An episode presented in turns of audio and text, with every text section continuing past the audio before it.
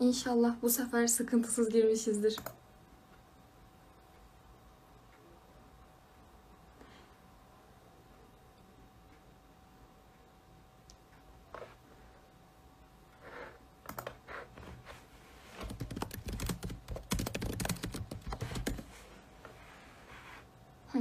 Şu an görüntü ve sesim iyi mi? Yorumlara yazarsanız çok sevinirim. Sanırım internette bir sıkıntı oldu az önce.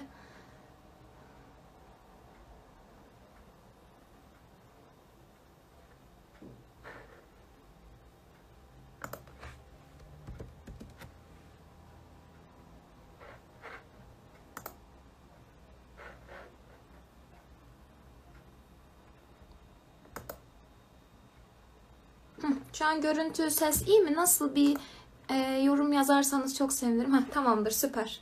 Az önce sanırım bir sıkıntı oldu. Yapamadık. Heh, şimdi Zeki Hoca'yı e, davet ediyorum.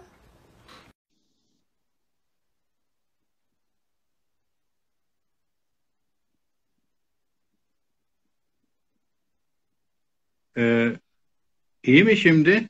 Evet hocam, şimdi oldu. E, benim sesim, görüntüm iyi mi sizde? İyi. Şu anda iyi. Heh, tamamdır, süper. Sonunda halledebildik çok şükür. Yorumları kapatalım o zaman. Yavaştan başlayalım. İlk önce hoş geldiniz hocam. Çok mutlu oldum yayınımıza dahil olduğunuz için. Hoş bulduk. Teşekkürler. İyi akşamlar. İyi akşamlar. E, yavaştan bir ben e, kısa giriş yapayım, sonra başlayalım hocam inşallah. E, Tamam. Bugün e, her, her pazar 21.30'da olduğu gibi bu akşam da Genç Akıl'da sizlerleyiz. Bu akşamki konuğumuz Profesör Doktor Zeki Bayraktar. E, Zeki hocamız e, üroloji alanında profesör. E, kendisi şu an Medip Medipol Hastanesi'nde çalışıyor. E, kendisinin çok sayıda makalesi ve dergisi dergide maka, e, yazıları bulunmakta. Ben de açıkçası bir tıp öğrencisi olarak bir doktorla çıkmak beni çok heyecanlandırdı. Tekrardan hoş geldiniz hocam. Hoş bulduk. Benim için de güzel bir program olacak inşallah. Sen bana yardım edeceksin unuttuğum bilgileri. Yani inşallah hocam estağfurullah. Yani elimden geldiğince güzel şekilde sunmaya çalışırım. E, kısaca bahsedelim. Bu konuyu neden seçtik? E, Kur'an'daki tıbbi mucizelerden bahsetmek istiyoruz. E, bazı ayetler e, dönemini aşan çok güzel bilimsel mucizelere sahip olduğunu düşünüyorum ben açıkçası. Okuyunca yani Rabbim bunu nasıl betimlemiş diyorum. Hani bundan neredeyse işte 600 sene önceki bir in, indirilmiş kitapta bunlardan bahsediyor. Biz de bunlardan Zeki Hocam'la bahsetmek istiyoruz. İlk önce inşallah e, Tarık suresiyle, Tarık suresinin 5, 6 ve 7. ayetleriyle başlayalım istiyoruz. E, ilk önce ben e, klasik mealden okuyacağım. Sonra e, Zeki Hocam'la diğer değerlendirmeleri yapalım. Okuyorum hocam. İnsan Buyurun. Neden yaratıldığına bir baksın. O atılan bir sudan yaratıldı. O su bel ve göğüs kafesin, kafesi arasından çıkar. Şüphesiz Allah onu tekrar yaratmaya elbette kadirdir. Hocam e, burada hani biliyorsunuz bir sürü hani nasıl anlamın bozuk ne demek istiyor burada diye bir sürü tartışma geliyor. Ama bunu sizin ağzınızdan dinlemek çok isterim. Buyurun hocam. Evet. e, şimdi e, bu ayet ve buna e, benzer e, bir iki ayet sanıyorum program süresi içerisinde e, ele alacağız. E, ben bazen ek- ekrana bakacağım, bazen hafif çapraza. Aynı zamanda bilgisayarım açık. Orada da e, bazı notlarım var. Oraya bakıyorum. Dolayısıyla nereye baktığım konusunda hani tereddüt e, yaşamayın diye söylüyorum. Ekrana bakmadığım anlarda notlarıma bakıyorum demektir. E, şimdi biliyorsunuz e, son günlerde de aslında geçmişte de her zaman Kur'an'ın e, bir beşer sözü olduğu iddiası her zaman dolaşımda olmuştur. Bu Kur'an'ın nazil olduğu e, Mekke toplumunda da e, gündeme geldi. Daha sonraki dönemlerde de keza günümüzde de siz de takip ediyorsunuz e, birçok e, ateist, e, deist e, çevreler e, bu eleştiriyi dile getiriyorlar. E, bu eleştiriyi dile getirirken de dayandıkları temel argümanlardan bir tanesi e, Kur'an'ın işte bir takım Arap kültürüyle ilgili ögeler içeriyor olması e, ve Arap kültürüne atıflarda bulunuyor olması şeklinde işte Allah yani bu kadar lokal bir hadiseyle uğraşır mı? İşte bunu hani onların iddiası içerisinde o toplumda yaşayan bir insan örneğin Muhammed de uydurabilir, söyleyebilir işte vesaire gibi bir takım iddialar var. Şimdi Kur'an'ın e, yerel bir takım e, ögelere atıf yapması Mekke toplumuna, Medine toplumuna inen bir toplumun elbette ki o toplumdaki ögelere atıf yapması gayet tabii bir olaydır. Yani düşünelim günümüzde bir Kur'an nazil olsa, bir kitap nazil olsa ve bir içimizde Türkiye'de örneğin İstanbul'dan veya Ankara'dan bir beşer peygamber olsa ve ona hitap etse, bu topluma hitap etse, o, o kitabın e, evrensel bir kitap olma iddiasına rağmen öncelikle bu toplumdaki sorunları es geçerek bir takım vaazlarda bulunması mümkün olabilir mi? Kesinlikle. Yani e, öncelikle elbette ki o kitap muhatap aldığı ilk toplumun ağırlıklı olarak ögelerini dil olarak kullanacak, onlara atıf yapacak ve ondan sonra evrensel iddiasını ortaya çıkaracak. Zaten Kur'an'da bunu söylüyor. Bu önce Mekke ve çevresiyle ilgili bir hitaptır diyor. Önce senin aşiretinden başla, sonra çevrenden başla. Sonra Mekke ve çevresiyle ilgili bir kitaptır. Sonra bütün insanlara bir beyandır diyor. Halkayı yavaş yavaş genişletiyor. E, doğal olarak dolayısıyla Kur'an'ın e, nazil olduğu toplumun kültürel ögelerini, dilsel ögelerini, tarihsel ögelerini kullanması gayet tabidir. Bunun da ötesinde böyle olmak zorundadır. Ee, bir kitabın yani Kur'an'ın ilahi bir kitap mı, beşeri bir kitap mı olduğunun testi bu bağlamda olamaz. Bu başka bir şekilde olabilir. Zaten bunun da Kur'an'ın bunun formülünü de Kur'an veriyor yine. Fussilet suresinin 53. ayetinde biz sizin bedeninizdeki nefsinizdeki yani sizin bedeninizdeki ve afaktaki yani evrendeki ayetlerimizi size göstererek bu kitabın haktan gelen bir kitap olduğunu kanıtlayacağız diyor. Yani bunun kanıtının nerede olduğunu da ve nerede aranması gerektiğini de Kur'an bizatihi söylüyor. Bir, e, evren yani astronomi bilimi. iki tıp bilimi. Doğru mu? Kesinlikle. Biz astronomi bilimi üzerinden konuşamayacağımıza göre yani konuşabiliriz elbette de bazal düzeyde konuşabiliriz. Ayrıca şunu da söyleyelim. Ee, belki bu son ifadem hatalı da olmuş olabilir. Şimdi insan 14 e, asır önceki insan da günümüzdeki insan da aslında Kur'an'ın işaret ettiği bu temel olgulara, ayetlere akıl ile e, yaklaştığı takdirde bu bağıntıyı her dönemde görebilir. Yani 14 asır önceki bir insan da ay ve güneşe, yıldızlara yani astronomi bilgilerine, evrene, afaka bakarak bu ayetleri görebilir.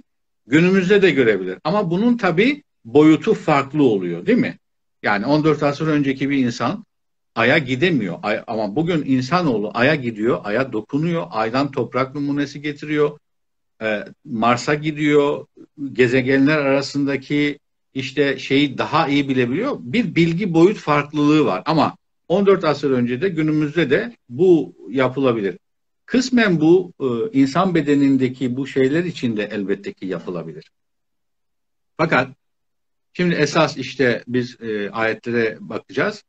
Bu ayetlerin derinliğine baktığınız zaman e, aklı selim bir insan olarak eğer ön yargılı değil iseniz bu kitabın e, kesinlikle 14 asır önce işte o tırnak içerisinde küçümsenen Mekke toplumunda Hicaz toplumunda yaşayan bir insan tarafından ifade edilemeyecek bir takım hakikatleri beyan ettiğini görüyorsun. Yani bunun bir beşer tarafından bilinmesi ve beyan edilmesi mümkün değil.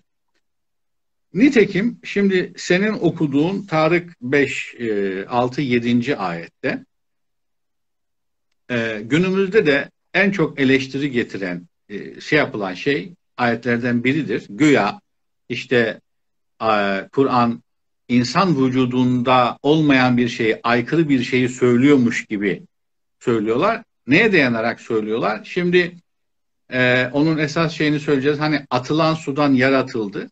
E, atılan su nereden yaratıldı? İşte meallerde genelde bel ile kaburga arasında e, ifadesi var. Kaburga e, şeyine takılarak. Şimdi insanlar bakıyorlar. Burada bir çelişki var diyor. Niye çelişki var? Şimdi Adem'den beri günümüze kadar insan e, bu burada kastedilen suyun yani meninin, spermin, bizim tıbbi olarak ejakülat dediğimiz şeyin bedenden nereden çıktığını biliyor. Nereden çıkıyor? Görüyor daha doğrusu. Nereden çıkıyor? İdrar kanalı. İdrar kanalı nerede? Vücudun dışında. Değil mi? Bir, bir anatomi olarak baktığımız zaman vücudun dışında olan bir kanaldan çıkıyor. E bunu insanlar da genelde bunun işte testislerde üretildiğini bilirler. Onunla irtibatlı olduğunu bilirler. E testis de vücut dışında olan bir organ. O zaman bunun bel ile kaburgayla ne alakası var kardeşim diyor ya. Bak gördün mü? Kur'an çuvalladı diyor işte burada. Yaşanan hadise bu değil mi? Evet.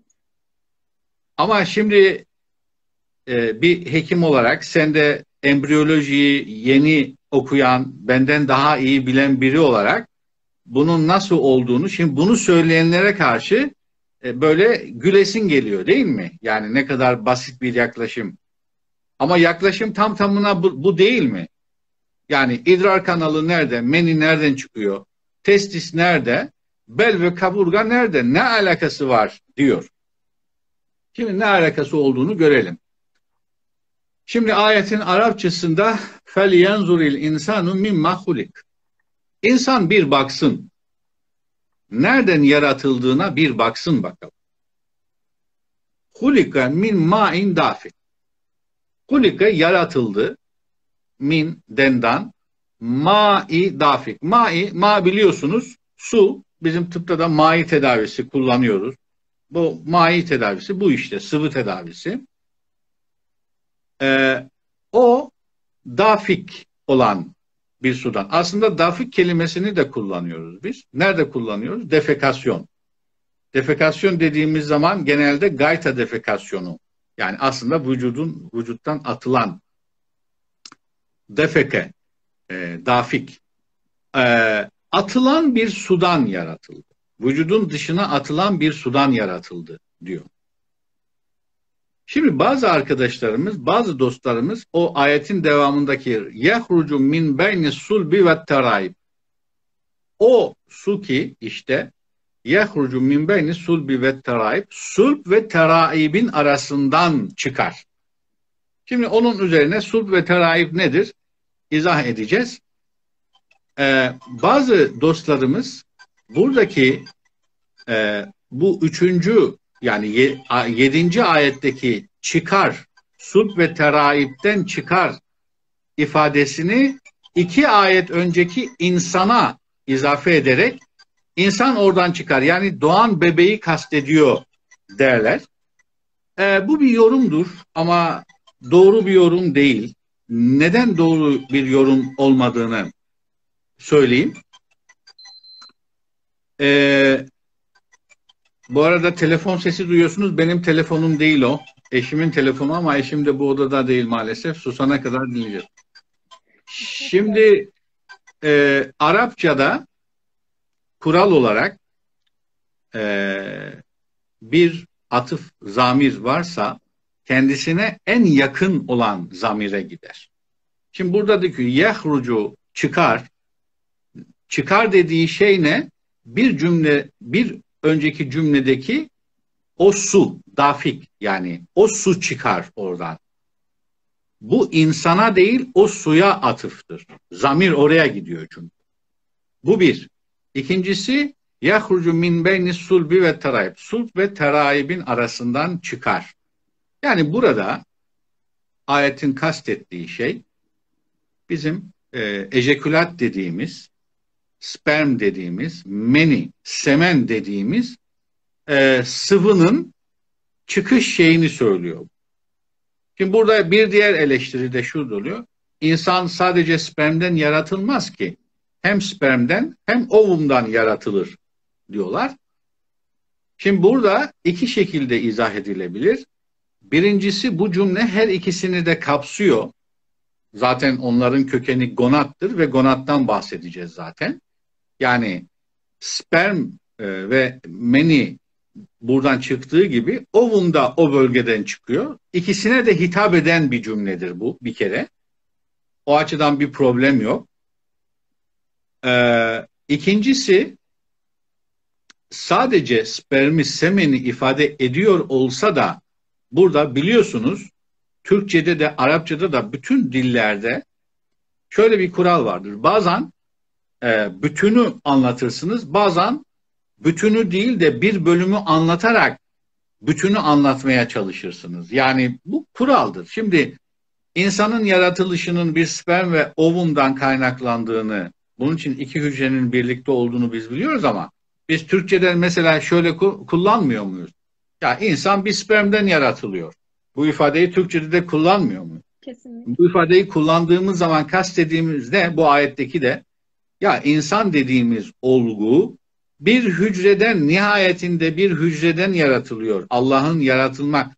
Ayetin sen 8. ayetinde o her şeye kadirdir diyor değil mi Allah? Burada Allah'ın kadir, kudret, e, yaratıcı kudretine de bir atıf var. Yani ey insan sen kendine bir bak bakalım. Seni bir hücreden yaratan kim? Bu Allah ya. Yani kadir olan Allah'tır. Bu ayetlerde bu da var. Neticede dolayısıyla ya insan dediğin şey bir sperm hücresinden yaratılan bir varlık dediğimiz zaman ya kardeşim insan sadece spermden yaratılmaz ki. Spermden ve ovumdan yaratılır diye bir itiraz yapıyor muyuz? Yok. Çünkü buradaki maksat bellidir. Dolayısıyla buradaki yahrucu min beyni sulbi ve tarayip yani o su mai dafik yani ejekülat dediğimiz şey sulp ile terayip arasından çıkar. Dan ifade edilen e, spermdir, ejekülattır. Ha, diğer ben bunu kabul etmiyorum, ovumun da olması lazım diyorsanız ona da muhatap olur bu cümle. Orada da problem yok. Şimdi gelelim sulp ve terayibin arasından diyor. Bu ne demek? Biliyorsunuz e, meallerin çoğu e, sulp ve terayibi şöyle yapar. Sulp bizim Türkçe'de de kullanıyoruz. İnsan sulbünden hani bel kemiğinden e, sen şekil gösterebilecek misin? Hı hı, göstereyim hocam. Tamam o ilk sak heh. Şimdi gördüğümüz bu e, gördüğümüz şeyde bu sakrum dediğimiz e, sen elinle işaret etsen olur mu sakrumu? Olur. Şurası. Evet. Bu bilgenin gösterdiği kelime tıbbi olarak sakrum dediğimiz şey evet onu işte sulp dediğimiz kelim e, şey budur. Şimdi teribe teraip dediğimiz şey ayetteki teraip dediği şeyin de iki anlamı var. Teraip teribenin çoğuludur. Teribe sözlükte iki anlamı var. Bir, kaburgalar, kaburga. iki leğen kemiği. Leğen kemiği de hemen diğerini o gösterilmişti bu şey diye. Evet. Şurası da leğen kemiğidir. Şimdi ister teraibi kaburga olarak alalım, ister leğen kemiği olarak alalım. Her ikisinde de o ejekulatın geçtiği yeri tarif etmiş olur. Niye tarif etmiş olur? Birincisi eğer teribe olarak, teraip olarak alacaksak ki alabiliriz. Şimdi bir sonraki ayette göreceğiz. Bizim e, sperm e, testislerin embriyolojik kökeninin ta göğüs, torakal bölgede olduğunu anlatacağız. O bölgeden itibaren olur. Değil mi Bilge? Onu şimdi mi söyleyelim sonra mı? Bir alt aşağıdaki bir Olur hocam. Heh, Şimdi tamam iki, ikinci ikinci şekle gelelim. İkinci şekle yukarıya çıkalım. Çıkalım. Şimdi bak bu burada dursun. Şimdi Ee, sen şimdi yavaş yavaş şey yap. Bir, bir testisi işaretle. Evet. Bu testis. Yani yumurtalık. Vücudun dışında olan bir organ. Oradan devamında da epididim. Şuradan, Epididim. şuradan gösterelim. Evet, epididim ve vaz deferensi işaretle yukarıya doğru. Bu işte testisten çıkan meni kanalı böyle çıkar yukarıya. Kasık bölgesinden, kasık kanalından vücut içine girer. Bakın vücudun dışından vücut içerisine girer. Mesanenin arkasından veziküler seminalis ve mesane ve prostatla birleşerek idrar kanalıyla birleşir. Şimdi bu bu aks şimdi yukarıdaki şeye gelelim e, şekle şekle ilk şekle. İşte bu aks yani o az önce Bilge'nin o kanalları takip ettiği şey tam bu teribeyle şeyle yani leğen kemiğiyle sakrum arasından dışarıya çıkmış olur. Ee, bunu bir aşağıdaki şeyde gösterelim şekilde. Bir daha bir daha inelim. Bir daha inin. Evet. Bak burada da yine o mor şeyle çıkan şey yukarıya kasık kanalından giriyor. Evet o moru takip et yukarıya doğru. Ee, şu anda bu kasık kanalından içeriye giriyor. Batına yani karın içerisine giriyor. Karın, şu anda tam şu anda kalemin bulunduğu yer o sulp ile teraip arasında yani leğen kemiği ile sakrum arasındadır. Şu anda tam bu bölgededir bu. Oradan mesanenin arkasından prostata karışır ve dışarıya çıkar. Bir aşağıdaki şeye gidelim. Şekle. Bir aşağıda. Evet burada da yine şematik olarak bakın ben kırmızı şeyle işaretledim. Ee, bu çizimde testisten yukarıya doğru çıkıyor. Kasık kanalından içeriye giriyor. Karnımızın içerisine giriyor yani bu. Oradan da üretra dediğimiz idrar kanalına e, karışıyor gidiyor. Şimdi dolayısıyla hem sağda hem solda bu ductus deferens nereden neyin arasından gitmiş oluyor bilge? Tam sulpla teraibin. Sulp ve teraip arasında. Şimdi teraibin e, bir anlamının e, kaburga olduğunu, bir anlamının da leğen kemiği olduğunu söylemiştik. Leğen kemiği işte bu kemik. E, tur, turap kelimesini duydunuz mu? Turap. Turap olasın. Toprak olasın demek. Turap ne demek? Teribenin aynı işte şeyi toprağa değen kemik anlamındadır bu. O e, şeye denir. Ha burada sözlükte iki anlamı var. Kaburga olarak çevrilen mealler var. Onlar yanlış mı? O da doğru olabilir. O da doğru olunca nasıl şey oluyor? Şimdi bir sonraki ayetimizi izah ederken testisin ta buralara yukarıdan o e, kaburgaların yanından aşağıya doğru indiğini dolayısıyla aslında bu gonat dediğimiz üreme hücrelerinin kaburgalarla e, e şey arasında, sulp kemiği arasında hem hücresel olarak hem organsal olarak oralardan köken aldığını da söyleme imkanımız var. Özetle ne ne çıkıyor ortaya? Bu ayette herhangi bir Kur'an'ın söylediği bu ayette değil herhangi bir yanlışlık tam tamına olguyu anatomik ve fizyolojik ve embriyolojik olarak izah eden bir durum var. Öyle değil mi e, Bilge? Sen şimdi embriyoloji dersini yeni gördün. Var mı bir yanlışlık burada? Ya hocam kesinlikle ve bence insanlar birazcık kolaya kaçmak da istiyorlar. Hani e, amaçları üzüm yemek değil bağcıyı dövmek gibi geliyor bana çoğu zaman. Hani ben okuduğum zaman diyorum hani nasıl böyle bir şey bu kadar net yazmış olabilir? Hani embriyoloji bilgisi var çünkü. Hani evet. hani ama mesela bunu bilmeyen insan bile okuduğu zaman hani anlayabilir bir üstü kapalı bir şey ama hani işin ayrıntısını bilen bir insan için gerçekten çok hayranlık verici oluyor. Hani onun inmesi olsun, o süreci olsun. Hani olağanüstü gerçekten. Evet, şimdi o zaman e, bu Tarık 5, 6, 7. ayeti e, böyle toparlamış olalım. Dolayısıyla oradaki teraip kelimesini ister kaburga ifadesi olarak alalım, ister leğen kemiği olarak alalım. Her ikisinde de bir gerçeklik var. Ee, hem organın kendisi gonad dediğimiz yani kadınlarda ovaryum erkeklerde testis dediğimiz gonadın iniş hattı tam onun arasından oluyor. Şimdiki Araf 172'de göreceğiz onu. Hem de kanallar nihayetinde sperm kanallarının iz düşümü olarak ikisi de oluyor. E, bu ikisinden hangisi e, insanın nihai anatomisine daha uygun derseniz teribenin leğen kemiği olarak alınması nihai anatomi olarak söylüyor. Yani erişkin bir insanın şeyinde daha uygun gibi görünüyor. Ama her ikisi de doğrudur diye bitirmek istiyorum. Bu ayetle ilgili var mı sorunuz? Hocam çok teşekkür ederiz. Çok güzeldi. İsterseniz soruları sona doğru alalım. Hani Tamam. e, akıllara takılan bir şey varsa. E, isterseniz Araf 172'ye geçelim. Tamam. E, Geçelim. ben ben isterseniz okuyayım ilk önce e, Türkçesini. Onun üzerinden konuşalım. Evet. Bismillahirrahmanirrahim.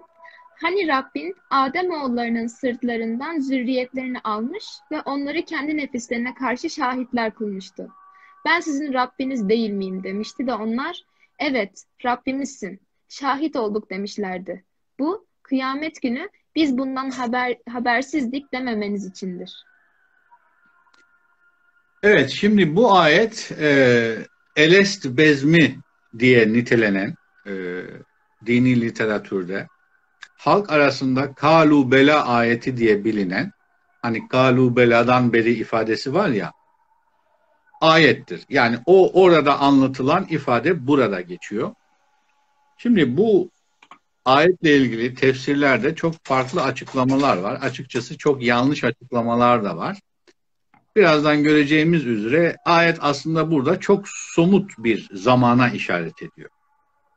Tabi bu somut zamana işaret ediyor e, şeklinde yorumlamak için ayetteki bu ifadenin e, işte o tıbbi şeye iz düşümünü bilmen lazım ki bunun somut bir zaman olduğunu söyleyelim. Yoksa tefsirlerinde ne diyor? İşte hani Rabbin Adem oğullarına işte açıklayacağız da demişti. Ne demişti? Ben sizin Rabbiniz değil miyim?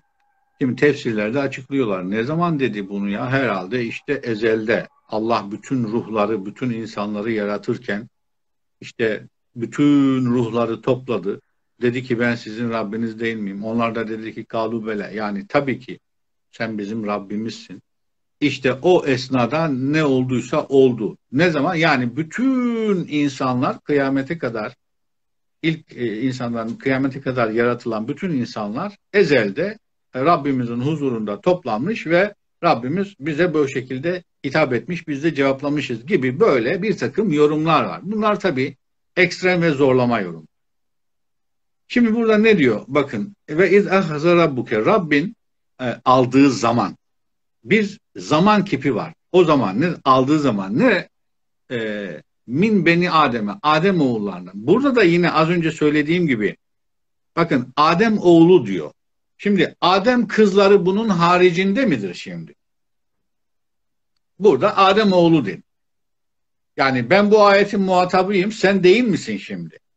Yani bu dilin e, bir kuralıdır. Kur'an birçok emirlerini ey Adem oğlu ya ya Adem oğlu diyecek ya Adem kızı diyecek. Yani bir şekilde bir hitap edecek. Bu hitap geneli ifade eden bir hitaptır. İşte mesela işte şeylere mescitlere giderken e, güzel giyinin ifadesinde de aynı ey Adem oğlu ifadesi var. O zaman erkekler güzel giyinecek, kadınlar giyinmeyecek mi yani gibi. Bu, bu şöyle değil. Birçok ayette var. Bu konumuz o değil de geçiyorum. Şimdi orada bir misaktan bahsediyor. Bir şeyden. Ee, ne zaman bu? Bakın diyor ki Adem'e min zuhurihim zurrihetihim zürriyetlerini zuhurim sırtlarından aldığı zaman somut bir ifade var burada. Şimdi buradaki zuhur ifadesi zihar zuhur sırt anlamındadır. Fakat meallerin çoğunda buradaki e, zürriyetin insan neslinin sırtla bağlantısı çözülemediği için bunu hep bel diye çevirirler. Niye? Çünkü ya insan zürriyetinin sırtla ne alakası var? Şimdi kelime olarak Kur'an'da bu kelime hep sırt anlamında kullanılmıştır. Mesela siz hayvanların sırtlarına bilersiniz hep zuhur ifadesi var. Hani zihar var ya zihar yemini böyle. O da Arap e, olan evet. Sen benim e, işte bir erkeğin karısına e, anamın ananın sırtı gibisin benzetmesini yapar. Sırt, zihar oradan da gelir bakın. Zihar sırt demektir. Kelime anlamı olarak sırt demek ama tabi tıp bilgisi olmayan müfessirler bakıyorlar ya neslin sırtla ne bağlantısı olabilir? Herhalde burada bel kastediliyordur diye bakın meallere hep belinden aldığı zaman diye şey olur. Halbuki burada tam da işte şimdi izah edeceğimiz şey zürriyet dediğimiz şey o işte üreme hücrelerinin gonat dediğimiz şey e, sırt bölgesinde teşekkül eder embriyolojik hayatta ve hatta oranın adı gonadal sırt diyoruz değil mi biz oraya embriyolojide. Yani sırt bölgesindedir ve o sırt bölgesinin adını da gonat veriyor. Gonadal sırt diyoruz biz ona embriyoloji e, şeyinde. O zaman bu ayet şunu demiş oluyor. E, biz yani Rabbimiz şunu söylüyor. Biz e, Ademoğlunun, insanoğlunun, Ademoğlu ve kızının e, zürriyetini sırtından aldığımız zaman ona bir misak yaptık onunla. Ben sizin Rabbiniz değil miyim? Evet, biz de bizim Rabbimizsin dedik. Şimdi bu kelam diliyle mi oldu, nasıl oldu onu konuşacağız. Ama önce bir şeyi, önce şunu tespit edelim. Ayet bize bir zamanı, somut bir zamanı söylüyor. Diyor ki ey insanoğlu, ey muhatap ben seninle senin zürriyetini sırtından aldığım anda bir misak yap. Yani senin bedenine bir program yükledim. Bir genetik, bir fıtratına bir program yükledim. Bir tevhid bilinci yükledim. Ben senin Rabbin değil miyim? Evet sen de varlığınla, DNA'larınla, organlarınla, her şeyinle evet sen benim Rabbimsin diye ikrarda bulundun. Buna şahittir demiş oluyor. Detayına gireceğiz. Şimdi o şeye gelelim. O o zaman ne zamanmış? Bakın. Şimdi alt şeklimizi açalım. Ben açıyorum hocam. Ee, şimdi bakın arkadaşlar bu benim bu bu slaytın bu benim tıp fakültesi 5. sınıf üroloji stajını yapan öğrencilerimize anlattığımız e, testiküler iniş dersinden bir slayttır. Bu slaytı ben yeni hazırlamadım. Duyuyor musun Bilge?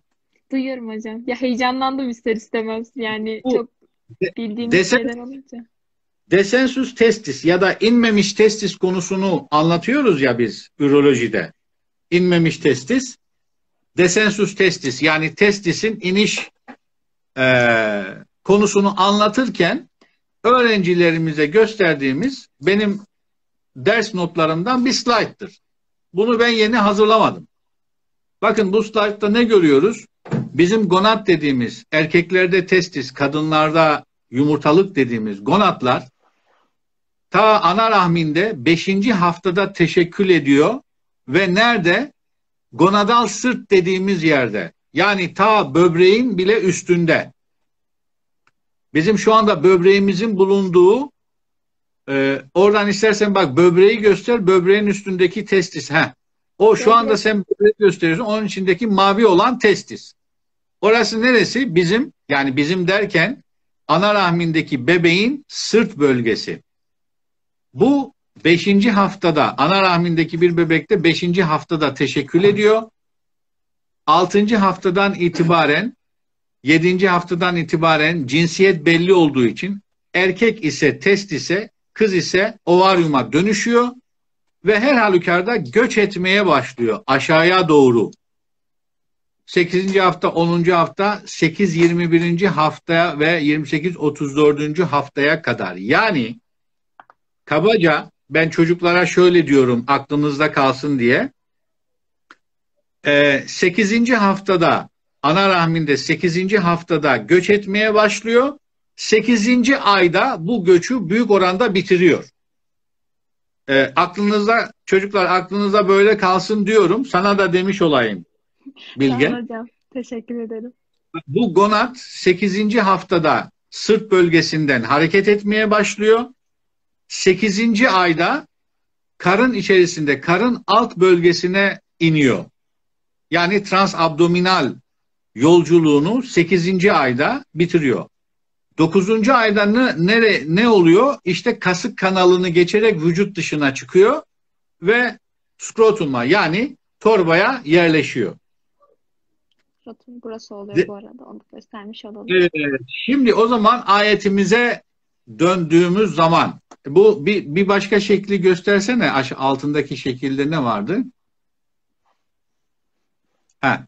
Şimdi buradaki altındaki şekilde şekilde de aynı şey. Ee, bu az önce gösterdiğimiz şeyin iki aşaması. Bir abdominal yani batın içerisindeki göç var. Bir de kasık bölgesindeki göç var. Batın içerisindeki göç o en soldaki şeyden göstersen daha iyi olabilir. Onun solundan, solundan, ha şuradan, şu şu şemadan evet orada daha iyi. Çizim var ya şu kırmızı olan. Evet, he, oradan. Ee, karın içerisindeki göç 8. haftadan 8. aya kadar tamamlanıyor. 9. ayda da kasık kanalından geçerek vücut dışına çıkar, çıkıyor. Şimdi demek ki bizim zürriyetimiz sırtımızdan ne zaman alınmış oluyor? Ayet bahsediyor ya sırt Ademoğlunun zürriyetini sırtından aldığımız zaman biz ana rahmindeyken 8. haftayla 8. ay arasında bu gerçekleşiyor. Bunun e, ağırlıklı olarak bu yolculuğun, bu göçün yüzde doksanı ilk e, 8. haftayla 15. hafta arasında, 15-16. hafta arasında tamamlanıyor ağırlıklı olarak. Yine ilgili diğer e, Kur'an ayetlerine baktığımız zaman Şekillerle şimdilik işimiz bitti. Dönebilirsin kendine. Seni görebilirim yani. Demek ki ana rahmindeyken bizim zürriyetimiz sırtımızdan alınıyor. Buradaki ayet aslında çok somut bir şeyi anlattı değil mi? Evet. Şimdi biz Adem oğlunun zürriyetini sırtından aldığımız zaman bir misak yaptık diyor. O misakın ne olduğunu söyleyeceğiz. Bunun zamanını tespit ettik. Bunun kalu belayla, şunla, bunla, ezelle alakası yok. Her insan için gerçekleşen, erkek, kadın, her insan için gerçekleşen, tek tek gerçekleşen bir olgudan bahsediyor. Rabbimiz ben sizin ana rahminizdeyken e, zürriyetinizi sırtınızdan aldığım zaman yani 8. haftayla 15. hafta arasında sizinle bir misak yapıyorum. Diyorum ki ben sizin Rabbiniz değil miyim? Siz de diyorsunuz ki evet Rabbimizsin. Bu, bu şahitlidir. Bunu kıyamet günü bunu inkar edemeyeceksiniz diyor. Ne olabilir o zaman? Yine bir diğer ayetlerde biz işte ruhumuzdan üfledik diyor ya.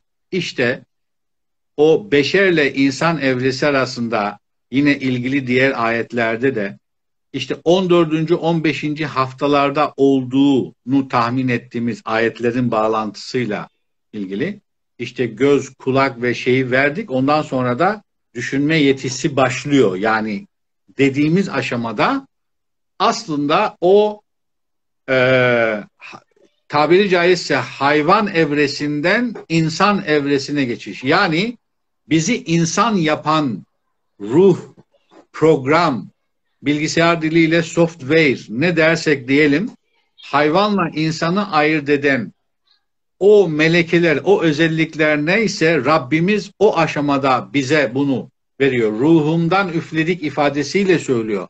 14 asır önceki şeyde bilgisayar programı yükledik diyecek hali yok işte. O günümüzde de anladığımız bir şey, o zaman da anlaşılan bir şey kısmen. Demek ki bu aşamada Rabbimizin bize bir tevhid bilinci yerleştiriyor. Ey muhatap, ey insanoğlu, senin yaratıcın benim, ben senin Rabbinim. Bunun böyle olduğunu da sen aklınla, gözünle, idrakinle, DNA'larınla, hücrelerinle, bütün benliğinle biliyorsun, buna şahitsin ve bunu kıyamet günü İnkar edemeyeceksin, ikrar edeceksin. Bu, bu böyledir. Kıyamet günü, ayete bir dönelim şimdi. Kıyamet günü bunu inkar edemeyesiniz diye biz böyle yaptık diyor. Bu ne demek? Bizim kıyamet günü bunu inkar etmemiz mümkün değil. Bu şuna benzer. Hani günümüzde bir insan bir fiil işler. Yok ben yapmadım falan filan deyince tak kamerayı önüne koyduğun zaman inkar edebilecek bir hali kalıyor mu? Yok. Yani açık bir beyin e, e, belge var. İnkar edilemeyecek hakikatler var. Bizim DNA'larımız, yaratılışımız, Rabbimizin bizim benliğimize yüklediği tevhid bilinciyle bu inkar edilemeyecek bir hakikat. Bu ayette söylenen, Araf 172'de söylenen budur. Bu her insanın ana rahminde Rabbimizin bize yüklediği bir tevhid bilincidir. Rabbimizin bize üflediği ruhtur. Bir bilgisayar programı gibi düşünebiliriz bunu. Bizi hayvanlardan ayıran, insanı insan yapan melekelerdir, kudrettir, akıldır, yetenektir, muhakemedir. Adına ne dersek diyelim ve bu 8 ile 15. hafta arasında olur. Bunun bir başka şeyi de yine bağlantılı olarak bu yetenekler o aşamada olur ama e, ergenliğe eriştiği zaman insan sorumluluk kabul ediyor ya şey oluyor ya yine ergenlik ve zürriyetle alakalı bir durum.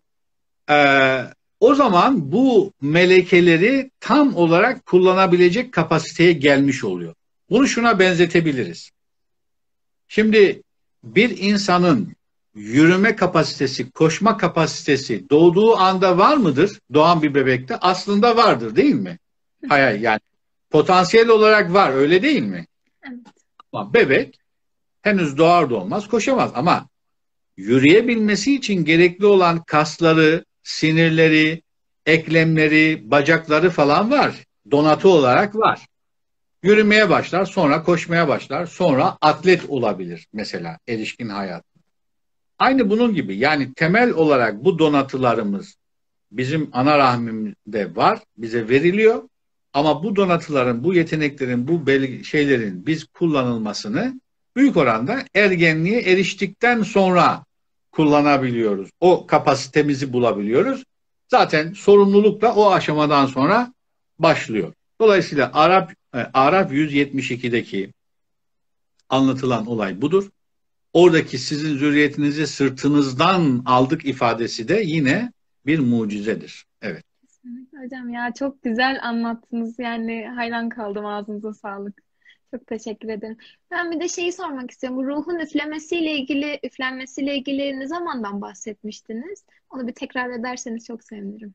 Şimdi ruhun üflenmesini şu zamanda yapıyoruz diye ifade eden net bir ayet yok e, şeyde. Fakat işte biz o yine o Müminun suresinde bu akşam o şeye gelemeyiz de biz o önce işte bir alaka yaptık, nutfe yaptık, sonra işte et ve şey giydirdik, sonra göz ve şey verdik, sonra basiret verdik diye şey var ya, sonra ruhumuzdan üfledik diyor ya.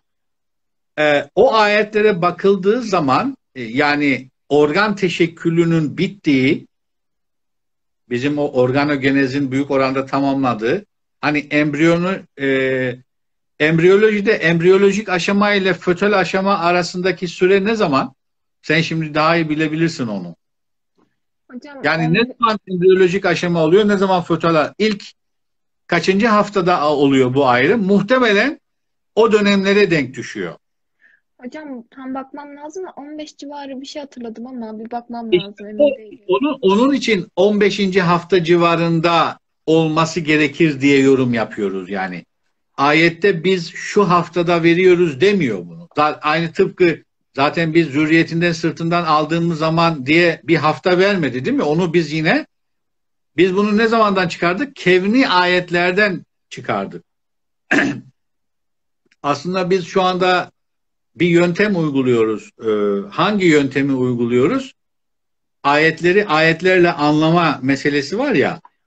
Ay, insanın e, Allah'ın ayetleri iki türlüdür. Bir tenzili ayetler yani Kur'an ayetleri. Bir de tekvini ayetler. Kainattaki bütün e, ayetler. insan, ay ve Allah'ın bütün yarattığı şeyler. Biz bu akşam tekvini ayetlere bakarak tenzili ayetleri anlamaya çalışıyoruz. Dolayısıyla o ruhun üflenmesi de 15. hafta civarında olmalı. Güzel bir düşünceydi ya. Yani e, mesela 9. hafta falan hani oradaki ayrımı ben biraz daha ilgilenmek istiyorum. İnşallah çok ilgimi çekti. O ayet okumuştum önceden ama hiç bu gözle bakmadığımı fark ettim. Yani çok hoşuma gitti hocam. Çok teşekkür Yani ederim. şöyle söyleyebiliriz. Ee, bu ruh ruh üfle mesela insan e, ruh insanlara üfleniyor. Yani Kur'an-ı Kerim Allah öyle buyuruyor. Hayvanlara ruh üflenmiyor bu anlamda veya bize üflenen ruh onlara üflenmiyor. Dolayısıyla bu hayvanlarla insan arasındaki fark ne ha- e, hayvanla insan arasındaki fark işte insanın e, akıllı, zeki, muhakeme kabiliyeti olan, e, basireti olan o fark neyse o işte. Şimdi o bizim ana rahminde hangi aşamada o aşamaya geliyoruz? Bir organogenez aşaması yani organların teşekkül ettiği bir dönem var. Bir de o organların o kabiliyetlerini, yeteneklerini kazandığı, donanımlarını yani programında üstlendiği. Şimdi bir bilgisayar kasası olarak düşünelim. Bilgisayar kasası tek başına nedir? Bir organdır. Yani işte e, parçaları var, metal parçaları var, enerji iletim aksamları var vesaire. Şey güzel bir örnek oluyor bu. Yani insanla bilgisayar benzetmesi. Şimdi şöyle e, bilgisayara genele- gelen enerji, elektrik veya enerji insanın bizim canımız. Canımız var.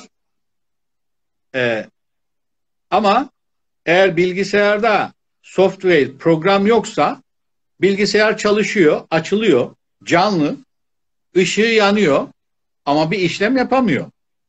Yani kasada mükemmel, organlarında bir problem yok.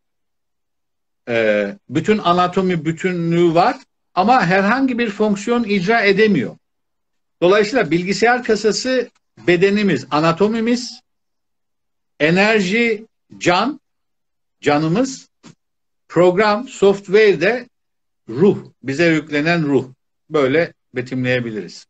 Hocam aslında hani bu dediğiniz tam anlamıyla beşer ve insanın tanımı. Hani az önce Evet. bahsettiniz. Beşer aslında bir nevi Maslow'un ihtiyaçlar hiyerarşisinde en alttaki hani her hayvanın yaptığı, bir kedinin, köpeğin yaptığı gibi beslenme, barınma, uyuma, cinsellik bu tarz şeyleri yapan Allah bizi vahiyle muhatap kılınca bizi insanoğlu vasfı katıyor işte. Hani bizi halife olarak atadığından bahsediyor mesela Bakara 30'da.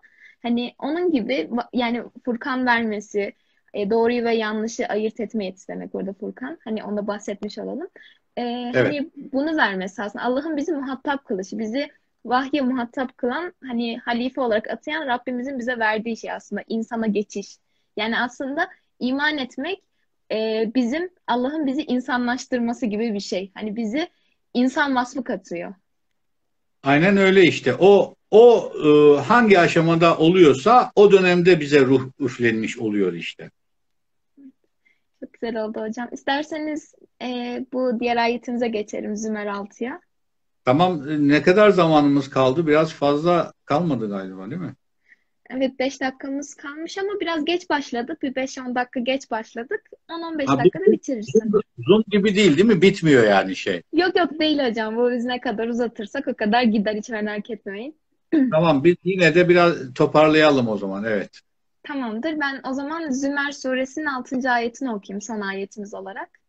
Ee, sizi insanoğlunu tek bir nefisten döllenmiş yumurtadan yarattı. Daha sonra eşini de o nefisten döllenmiş yumurtadan oluşturdu. Enam'dan sizin e, sizin için sekiz eş indirdi. O sizi analarınızın kar- karınlarında üç karanlık yerde şekilden şekle geçirerek yaratmıştır. İşte bunları yapan Allah'tır. Sizin sahibinizdir. Yetki ondadır. Ondan başka ilah yoktur. Nasıl oluyor da başka tarafa döndürülüyorsunuz? Zümer 6. Evet şimdi bu ayette e, üzerinde duracağımız şey e, ye odaklanalım. O Arapçasını geçeyim ben o zaman. Aslında orada da şey halakaküm bir nefsi vahidetin. Sizi tek bir nefisten yarattık. Burada da çok kısaca e, şey yap. Sümme ceale minha zevceha. Sizi tek bir nefisten yarattık. Sonra hani Adem yaratıldı. Sonra Adem'in kaburgasından Havva yaratıldı deniyor ya. Yani bak burada o değil. Sizi bir tek, tek nefisten yarattık. Sonra eşini de ondan yarattık. Ondan dediği o zammediğine o tek nefis. Yani Adem'i de Havva'yı da daha doğrusu insanı bütün erkek ve kadını bir tek nefisten yani hücreden nefsi vahide dediğimiz zigottan yarattık diyor. Onu geçiyoruz. E, 8 eş işte geçiyoruz. Şimdi burada e, yahlukukum sizi yarattık. Fi butuni ummahatikum. Annelerinizin batınında, butun, batın. Annelerinizin karnında, butununda halkan min ba'di halki fi zulümati selasin. Üç farklı karanlık evrede diye bir ifade var. Şimdi bu akşam burada duracağımız şey bu üç annelerinizin batınında üç karanlık evrede yarattı. Ayet de böyle bir ifade. Üç karanlık evre. Şimdi işte bununla ilgili birkaç yorum yapacağız. Bu bunu budur, şu mudur? Elbette ki bir tanesi kanaat serdedeceğiz bize göre budur diye. Şimdi 14 asır önceki insanlar üç karanlık evrede ne anlayacaklar Allah aşkına? Ha? Yani 14 asır önceki insan için bu üç karanlık evre nasıl bir e, yani ne anlayacaklar derken şöyle yanlış oldu. Bu nasıl bir ifade edebilir ki bunu yani? O zamanki bir beşer bunu nasıl ifade, üç karanlık evreyi nereden bilecek? Burada kastettiği şeyi nasıl ifade edecek? Bu mümkün değil yani. Şimdi ne bu üç karanlık evren nedir?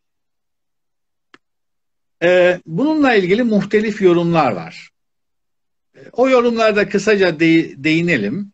Birincisi bu üç farklı gebelik evresidir denilebilir. Yani tıpta işte birinci trimester, ikinci trimester, üçüncü trimester diye gebelik üç aşamaya ayrılıyor ya.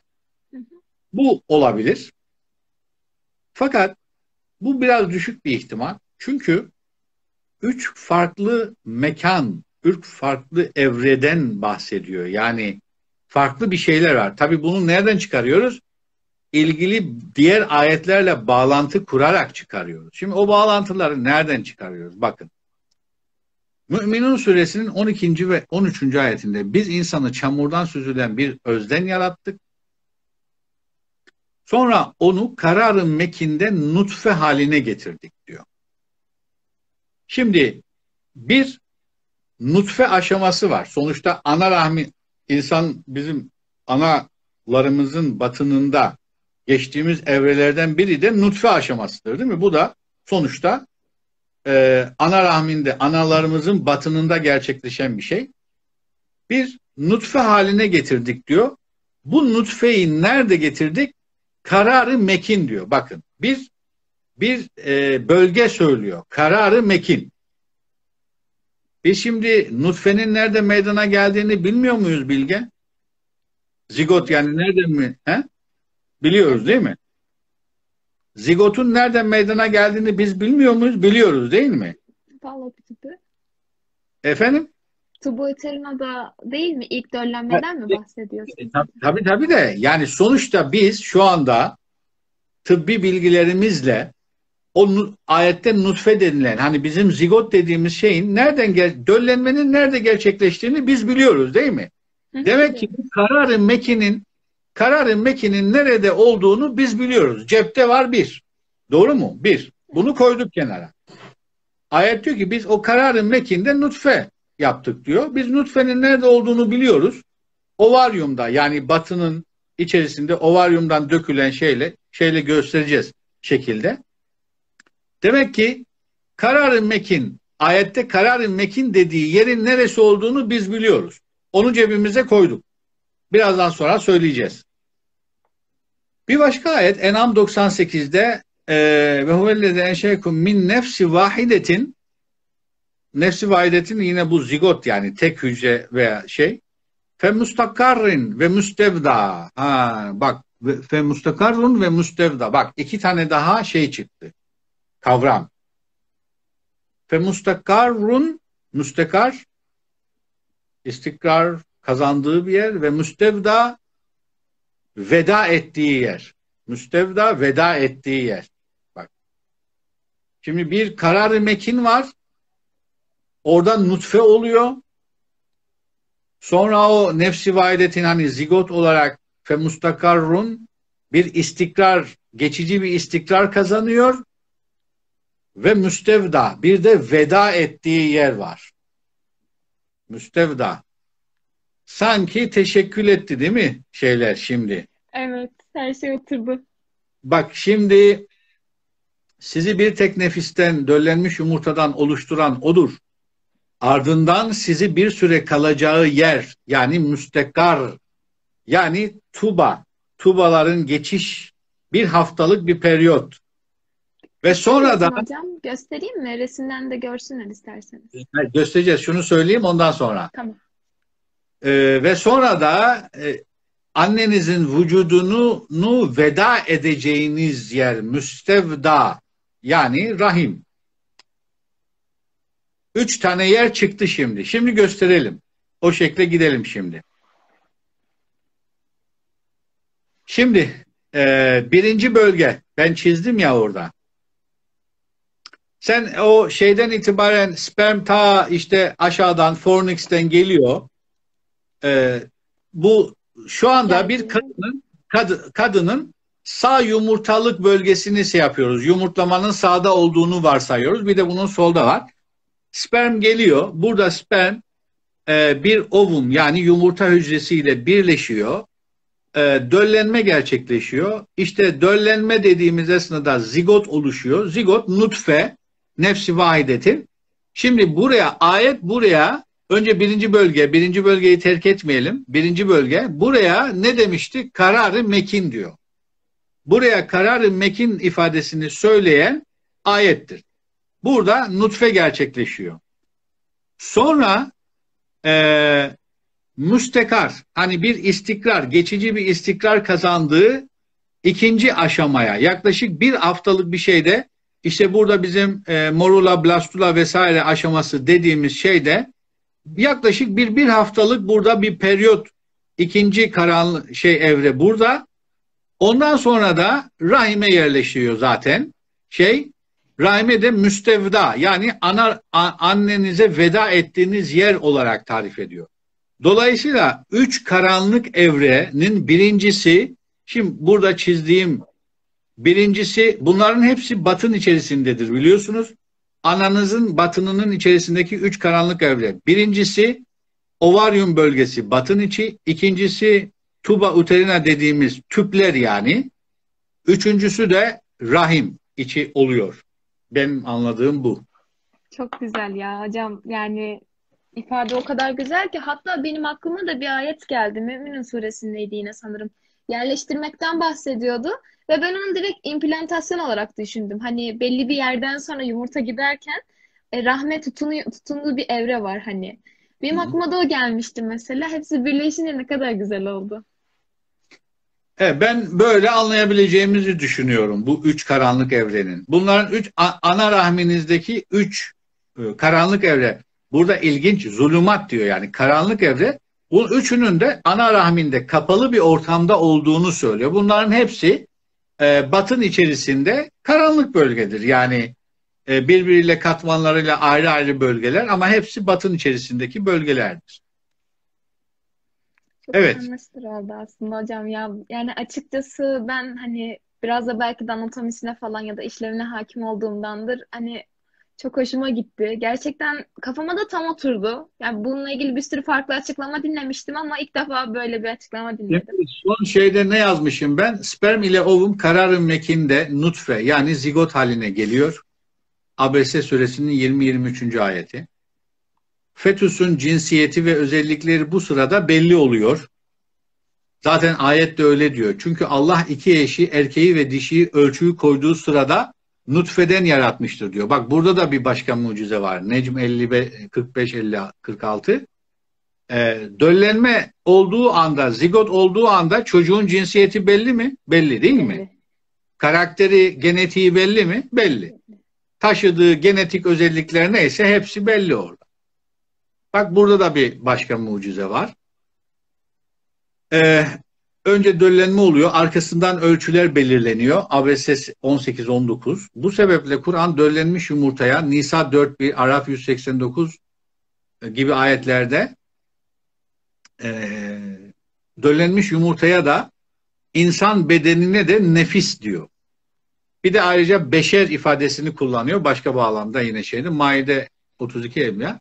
Dolayısıyla zigot ve nutfe yani döllenmiş yumurta kararın mekinden yani ovaryum bölgesinden bir süre kalacağı müstekarra bir süre kalacağı bir süre istikrar kazanacağı müstekarra yani tuba uterinaya gidiyor. Oradan da doğuma kadar kalacağı ve anneye veda edeceği müstevda. Ayetteki ifade müstevda yani rahime geçiyor. Enam 98 ayet. Böylece yaratılış üç ayrı evrede, üç ayrı karanlık evde, yerde, mekanda aslında. Üç farklı mekan bize tarif etmiş oldu. Aynı zamanda da üç ayrı evre e, olmuş oldu. E, bu ayetler bize bunu tarif etmiş oldu. Bu diğer ayet ne? Sonra nutfeyi alaka haline rahim duvarına yapışık hale getirdik. Alakayı bir çiğne et gibi yaptık. O et parçasını kemiklere dönüştürdük ve kemikleri etle donattık. Sonra da onu farklı bir yaratık haline getirdik. Bak burada işte sonra da onu farklı bir yaratık haline getirdik.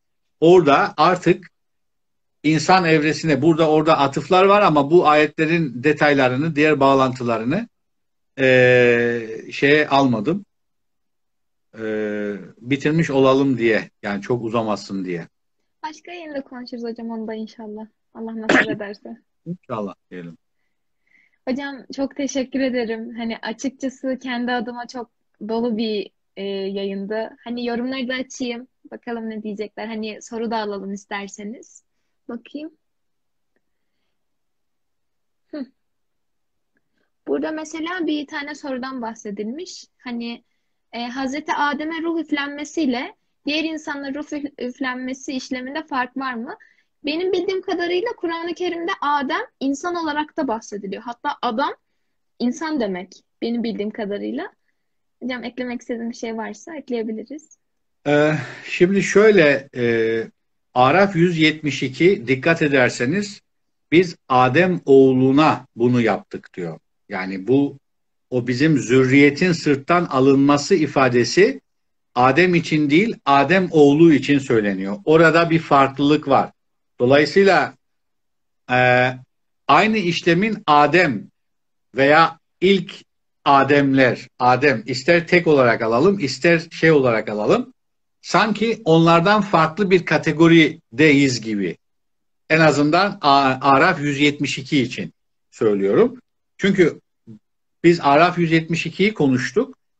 Araf 172'de de Adem oğluna diyor. Yani Adem'den sonraki nesil için bunu söylüyor. Şu anda ilk söyleyebileceğim bu. Çok sağ hocam. Bir de evrimi sormuşlar. Evrimle ilgili ne düşündüğünüzle ilgili. Yani bu çok uzun bir konu olur gibi geliyor bana. İsterseniz onu başka zaman konuşalım. Ee, evet ben evrim konusunda bir, bir zaman da yazdım. Ee, yani hekimim ve bu konuda da e, muhtemelen ortalamadan daha fazla bilgiye sahibim. Ama ben bu konuda çok konuşmak, yazmak istemedim. Aşağı yukarı her konuda konuşan ve yazan biriyim. Çünkü ben bu konuyu kendime bir program edip de müstakil olarak masaya yatırıp incelemedim. Müstakil olarak incelemediğim bir konu hakkında da konuşmak istemiyorum. Çünkü ben bu konuda konuşursam hekim olduğum için e, e, uzman olarak konuştuğum algısı ortaya çıkar. Ama evrim biliyorsunuz biz hekimlerin birincil uzmanlık alanı değildir. Yani daha çok biyologların şeyidir. Dolayısıyla tabii ki bu konuda çok şey söyleyebilirim. Ee, Kur'an'daki o temel tekamül ve şey konularında da bir çelişki olduğunu düşünmüyorum şeyde. Ama bu tartışma biraz felsefik ve şey ideolojik bir tartışma olduğu için uzun bir tartışma yani ona girmesek iyi olur e, kanaatindeyim. Bence de hocam katılıyorum. Hani çok uzun ve netameli bir konu. İnşallah hani biraz da hani ben de üzerine düşünmek istediğim bir konu açıkçası. Bir de son olarak şey sormuşlar. E, Kur'an mucizelerine yönelik bir kitabınız var mı diye. Ben açıkçası sizin yazılarınız olduğunu biliyorum. Hatta okuduğum bir sürü yazınız var. E, kitabınız var mı diye soruyorlar. Ee, hayır yani müstakil olarak bu başlığı taşıyan bir kitabım yok. Ee, benim yani akademik makale olarak çok tıbbi makalem var ama onları sormuyorlar tabii.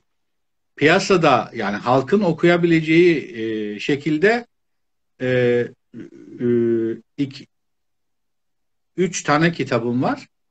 İlahiyat alanında söylüyorum. Tıp alanında iki tane oluyor. Bir tane şimdi bir tanesi yeni şimdi çıkıyor. E, cinsellikle ilgili bir kapsamlı bir çalışma yaptık. İnşallah o da faydalı olur. İnşallah. E, mucize konusunu başlık olarak özel olarak e, şey yapan bir kitabım yok ama kitaplarımda bu konuya atıf yapan, inceleyen e, bölümler olabilir elbette. Var yani o şekilde. Tamamdır. Hocam çok teşekkür ederim. Yani çok güzel bir yayındı gerçekten. Ağzınıza sağlık. Hani bir tıp öğrencisi olarak ayrıca teşekkür ederim. Yani benim için de ders gibi oldu. Ağzınıza sağlık. Allah razı olsun sizlerden. Teşekkür Peki ederim. ben derim e, faydalı olduysak ne mutlu bize. E, başarılar diliyorum hem sana hem diğer bütün arkadaşlara. E, inşallah faydalı bir program oldu diyelim. İnşallah. İnşallah başka yayınlarda görüşmek üzere. Ee, izleyenlerinize de çok teşekkür ediyoruz. Hepinize hayırlı akşamlar. Hocam hayırlı akşamlar. Kendinize iyi bakın. Akşamlar, güle güle, iyi akşamlar.